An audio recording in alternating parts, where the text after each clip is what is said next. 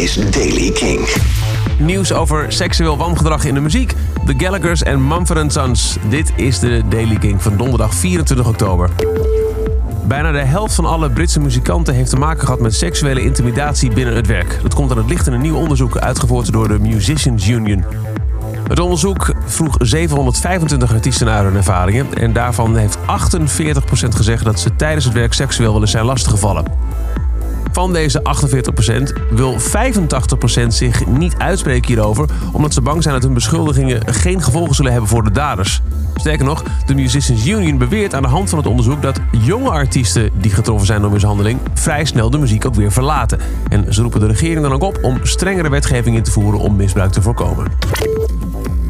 Sarah McDonald, de vrouw van Noel Gallagher. Zij is de schuld van alles. Liam Gallagher noemde haar vlak na het uiteenvallen van Oasis al een van de grootste redenen voor het eenvallen van de band. En daarom was hij een heks.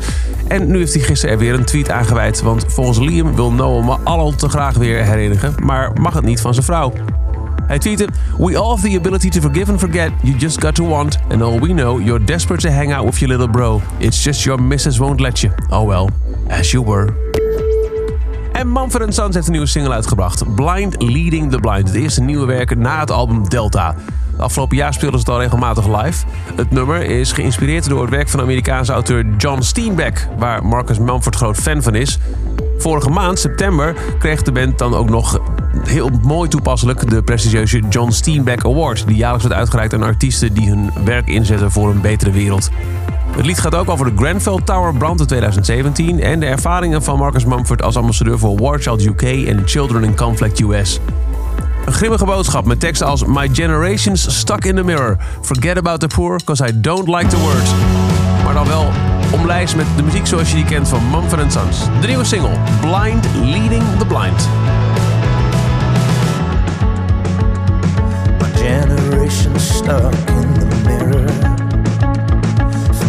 About the poor, cause I don't like the word. And I need to know the name of my neighbor. I am not known if I'm not seen or heard. And I am afraid of that which I do not know.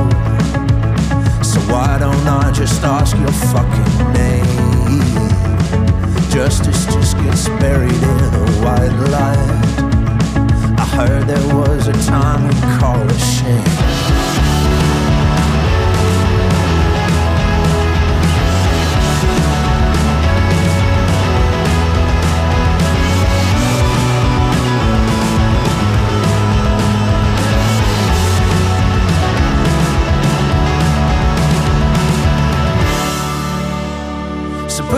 hands in mine tonight, and I will